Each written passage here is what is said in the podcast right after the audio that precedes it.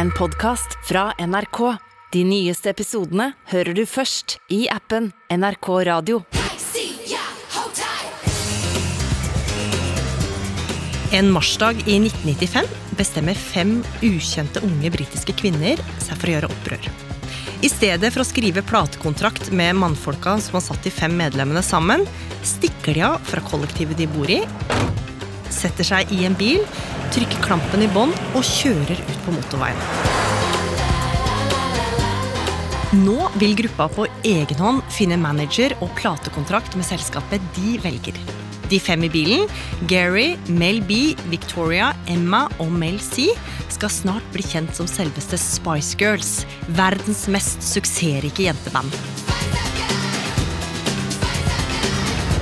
Men prisen de må betale for verdensherredømme på 90-tallet, er høy.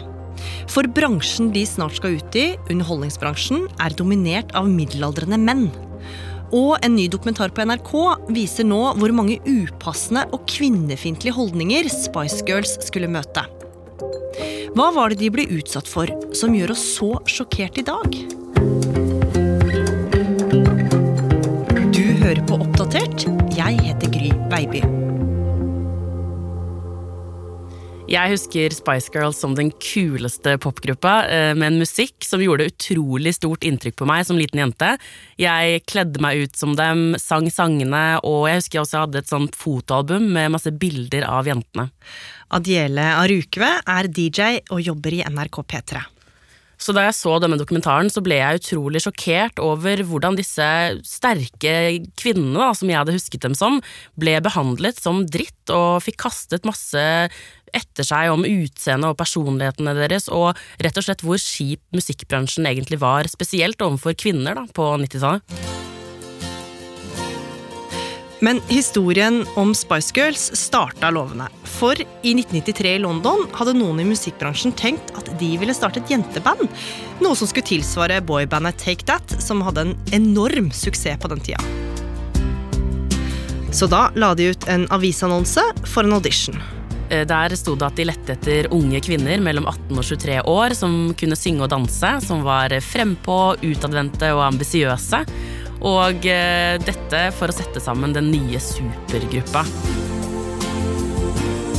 Og dommerne de eh, valgte jo mellom hele 400 jenter som hadde meldt seg på.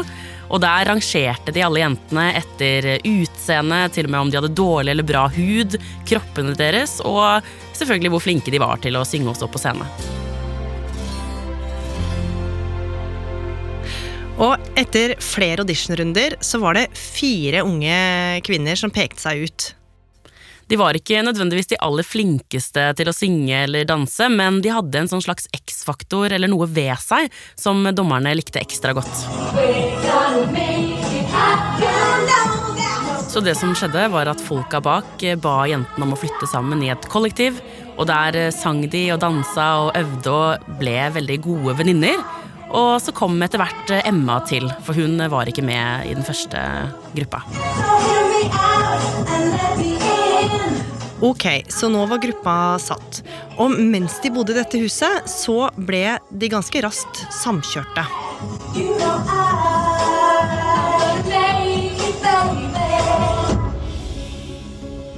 Det tok ikke lang tid før de skjønte at det de hadde sammen, var helt unikt.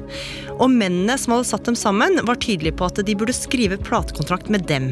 Men jentene begynte nå å innse at de hadde mange flere muligheter. De snakket sammen, og de ville rett og slett bestemme over sine egne liv. Så det de gjorde, det var at de slang alle sakene sine inn i bilen, og så stakk de av. De hadde nemlig en plan å finne plateselskap og manager selv. Og like etterpå så møtte de stjernemanageren Simon Fuller. Han var den største manageren på den tiden. Han hadde masse kontakter i showbiz og presse, så Spice Girls de skrev under en kontrakt med han i 1995. Og like etterpå, i 1996, så slapp de sin første singel, 'Wannabe'.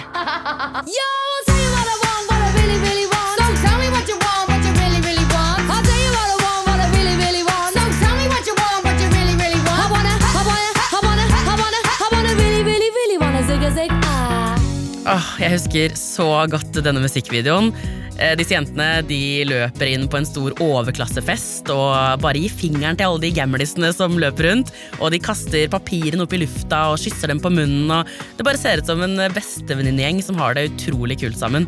Og så er det jo på en måte helt vanlige jenter da, som eh, er rampete og som ikke bryr seg så mye om det etablerte. Somebody down and Og Wannabe den gikk rett til førsteplass på hitlistene. Førsteplassen denne uka også, Spice Girls. Wannabe. Wannabe has become a smash around the world. Altså, pressen elsket dem og deres nye slagord Girl Power. De fikk rett og slett ikke nok og skrev masse artikler om dem og hvor kule de var. If you wanna be my lover. Og med dette nye begrepet girl power så brakte de noe helt nytt til bords. Og det var kanskje ikke så lett å få helt greie på hva det betydde, selv om gruppa i intervju etter intervju forklarte hva de mente med det. This is about girl power. This is not about picking up guys. This is about girl power. Girl power is about being individual, being whoever you want to be. Wearing your short skirts, your underbras, and your makeup, but having something to say as well. We're doing it for the girls. For med girl power kom også friheten til å kle seg som man ville. Spice Girls de gikk med korte skjørt og magetopper, noe som skulle vise seg å selge godt. Effekten er mange, kundene er villige, og de er unge. Spice Girls T-skjorte, eh, Spice Girls brikke, Spice Girls bilder, Spice Girls al album. For universet rundt Spice Girls ble hyperkommersielt. Det ble laga dokker, klær, plakater, nøkkelringer, leker. Alt retta mot barn. Nå ville mange i produksjonsapparatet rundt Spice Girls ha mer av det de så funka. Lite klær og mye hud. Og i dokumentaren kan man jo se hvordan dette ble veldig tydelig på en reklamefotoshoot. eh, Adele, hva var det som skjedde? Spice Girls de sto i sånne klassiske skoleuniformer som dekket eh, mage, skuldre, rumpe og lår. Og så sto det masse menn rundt og knipsa bilder og hauset dem opp. Og så ropte en av de at eh, han ville ha mer hud. At de skulle vise mer hud. Og nå skulle jo Spice Girls vise at de ikke lot seg pille på nesa. Ja, Mel B, hun med krøllene, hun eh, gikk rett bort til denne mannen og konfronterte han og begynte å yppe med han. Was it? Was it you? Might. Why? Why? Why did you ask that? What? To have a cleavage shown and a midriff shown? It's every man's fantasy. A chauvinistic pig. Alle jentene de kasta seg på og begynte å stelle seg i en halvsirkel rundt han. Anybody want some shade? Five for a quid. Og det hele endte med at Mel B tok solbrillene hans og sa at de var til salgs for et pund for å ydmyke ham. Og det som slo meg da jeg så dokumentaren, er at uh, jentene er ikke så imot å spille på sex. De vil bare gjøre det på sine egne premisser, og de vil ikke bli fortalt at de må kle av seg. Og Spice Girls skulle jo fortsette å imponere verden. Og hyllesten den toppa seg i 1997, for da skulle prisutdelinga Brit Awards gå av stabelen. Og i åpninga av showet, foran en lysende TV-skjerm, så publikum de fem står med ryggen til. Og da de snudde seg, så hadde Mel B på seg denne ikoniske leoparddrakten. Gary hadde på seg den flaggkjolen som hun senere skulle bli verdenskjent for. Publikum de elsket det, eh, og dette skulle bli selve symbolet på Spice Girls.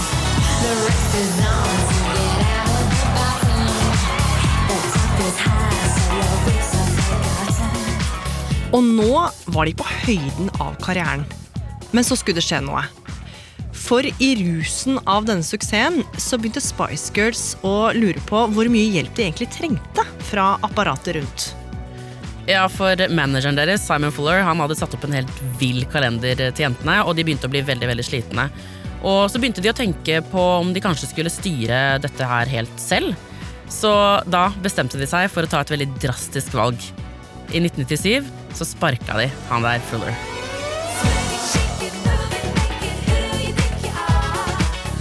Og det at en gruppe på fem unge kvinner hadde gitt verdens mest kjente og respekterte manager fyken, det sjokkerte. Og uten Fuller, som jo hadde gode kontakter i media, så sto Spice Girls plutselig uten den velviljen de hadde hatt hos pressen. Ja, for uten Simon Fuller i ryggen så begynte jo pressen å behandle dem helt annerledes. Tabloidavisene de skrev de verste ting, og nå gikk de etter én og én person. Og noen av de overskriftene var helt drøye. I en avis så sto det 'Baby Spice is growing big' med et bilde av Emma som hadde gått litt opp i vekt. Og i en annen avis var det et bilde av Gary med en sånn singlet uten bh under, hvor det sto 'Saggy Spice'.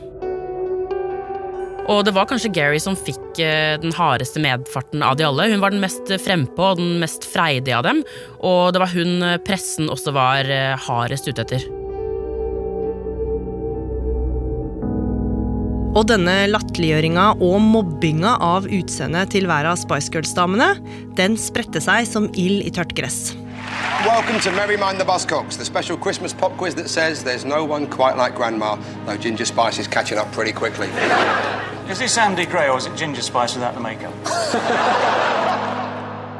Å gjøre narr av alderen til Spice Girls-medlemmene var en gjenganger. Også da vokalisten i det populære rockebandet Oasis var på TV. If Jenny Spice is 24, then she's gonna look rough when she's 30. Ja, for det er mange sånne eksempler på personangrep, og nå begynte det å bli tydelig at kritikken gikk inn på dem. Og på en konsert så begynte Gary å gråte midt på scenen. Men til tross for hard medfart og uten å ha det gamle managementet i ryggen, så fortsatte gruppa tilsynelatende som før.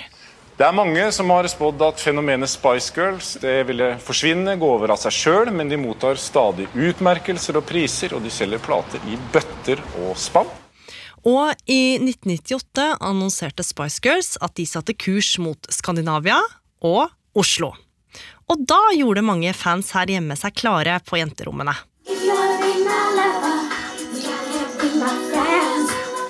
Det er jo jenter som eh, altså, lager sangene og dansen og alt. Og mm, vi er jo jenter selv. Og Syns du du ligner på noen selv? mm, jeg syns jeg ligner litt på Emma. Det var en sen maidag, og over 8000 publikummere strømma til Oslo Spektrum for å se sine store idoler på scenen. Men på denne konserten så ble det ganske tydelig at ikke alt sto like bra til med jentegruppa. For da den norske fansen kom fram, ble de møtt av en stor plakat der det sto at Gary var blitt sjuk. Jeg syns det er innmari dumt at eh, Gary ikke kan være med. Men det blir jo litt sånn um, uvanlig uten det, liksom. Den offisielle forklaringa på det var at eh, Gary var utslitt og trengte hvile. Men så enkelt var det jo ikke, Adele. Nei, for bare tre dager etter denne Oslo-konserten så gikk en advokat ut i media i Storbritannia, og han fortalte en hel verden hva som egentlig hadde foregått. Ja, og foran et fullsatt pressekorps leste han opp beskjeden fra Gary.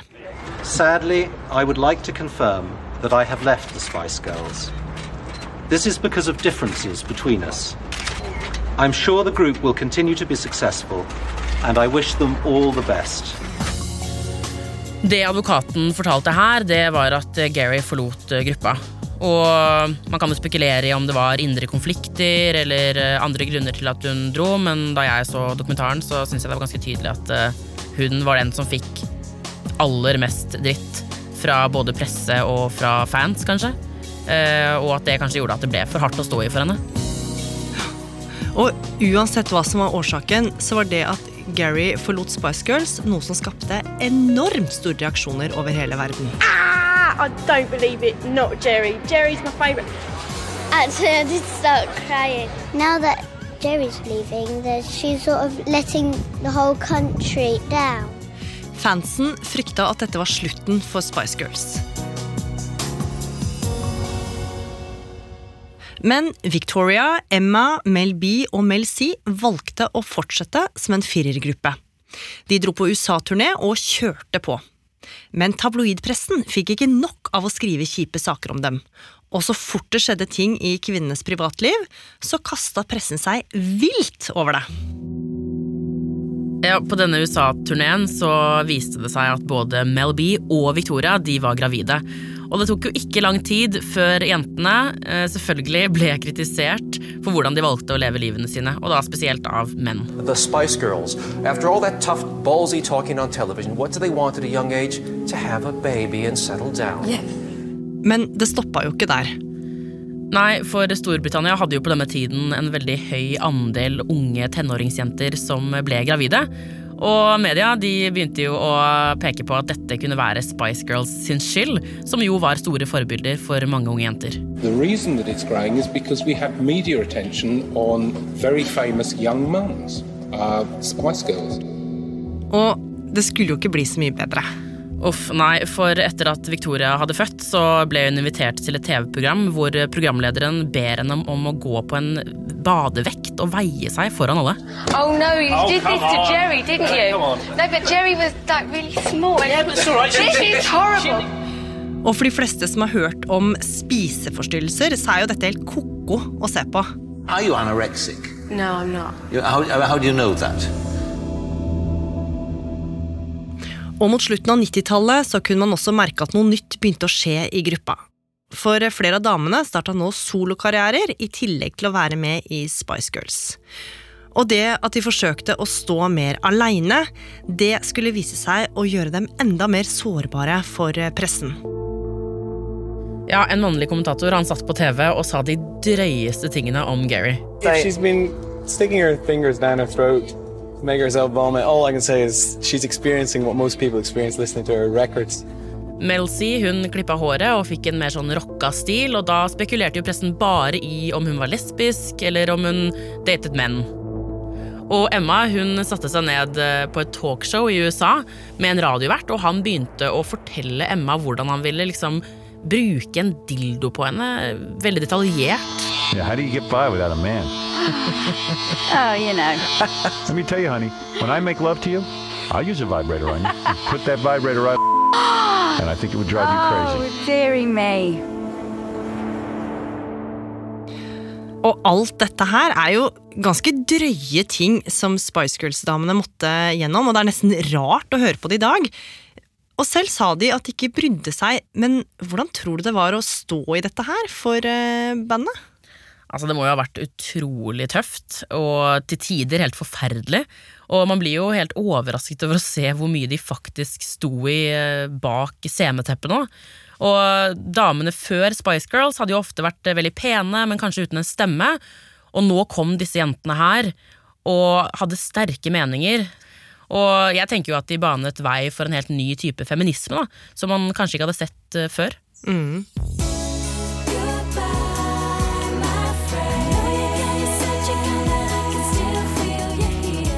Men etter alt det de hadde opplevd av negative kommentarer og enorm suksess, så gikk Spice Girls i 2000 ut med beskjeden som måtte komme på et tidspunkt.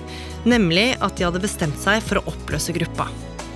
De sa at de skulle fokusere på familieliv og sine egne solokarrierer. Og de sa at de heller aldri kom til å opptre sammen igjen. Årene gikk. Og i 2012, altså tolv år etter at Spice Girls hadde sagt farvel til verden, så, under åpningsseremonien av OL i London, skjedde det noe som skulle overraske mange. Arenaen er dekket av det britiske flagget, og publikum de hyler og skriker, for nå skal det skje noe. Svarte drosjer ser vi. Alle drosjene i London er sånn. Det kommer en rekke taxier, sånne typiske London-taxier, inn på banen. Og fem av dem lyser plutselig opp. Den ene har leopardmønster på seg, den andre har noe rosa og man kan skimte, og en av de har det britiske flagget. Og hele publikum de hyler og skriker, og ingen skjønner hva som skal skje. Og plutselig Og det kommer noen damer ut av disse bilene. Dere har eh, kanskje allerede gjettet det. Her er de, The Spice Girls! Dette skulle jo være den aller, aller siste gangen de fem opptrådde sammen. Og for alle oss som har hatt et nært forhold til eh, denne gruppa gjennom barndommen, så var dette et helt sjukt stort øyeblikk. Og musikken den lever jo videre i beste velgående i dag, og det er jeg helt sikker på at den kommer til å gjøre for alltid.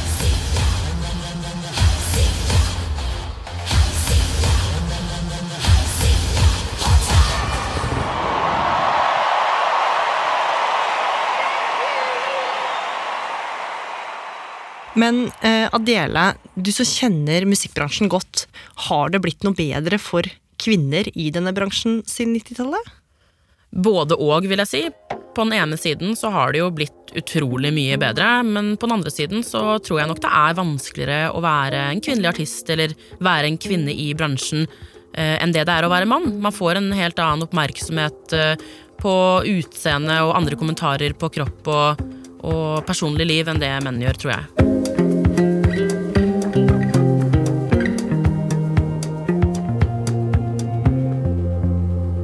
I denne episoden har du et klipp fra BBC-dokumentaren Spice Girls, en historie om girl power som ligger i NRK-appen. Du har også hørt arkivmateriale fra NRK og BBC. Oppdatert er en podkast fra NRK Nyheter, og denne episoden er laga av Martin Holvik, Pål Gauslå Sivertsen og meg, Gry Veiby. Send oss gjerne en e-post på oppdatert krøllalfa nrk.no om du har innspill. God jul. En podkast fra NRK. Liven Elvik, hva får du julestemning av? Ikke for å være helt grinchen, men kanskje litt deilig av jorden og noe ribbe? Hva med deg? Jeg drømmer om en stjernehimmel og kanskje noe julebelysning og en bitte liten stall. Kan du fortelle oss andre hvordan du kommer i julestemning? Altså, jeg smører alt som er digg utover, og sparer ikke på noen ting. Ronny Bredde Aase. Liven Elvik! Du er en julens mann. Jeg elsker jul. Julestemning med Live og Ronny hører du i appen NRK Radio.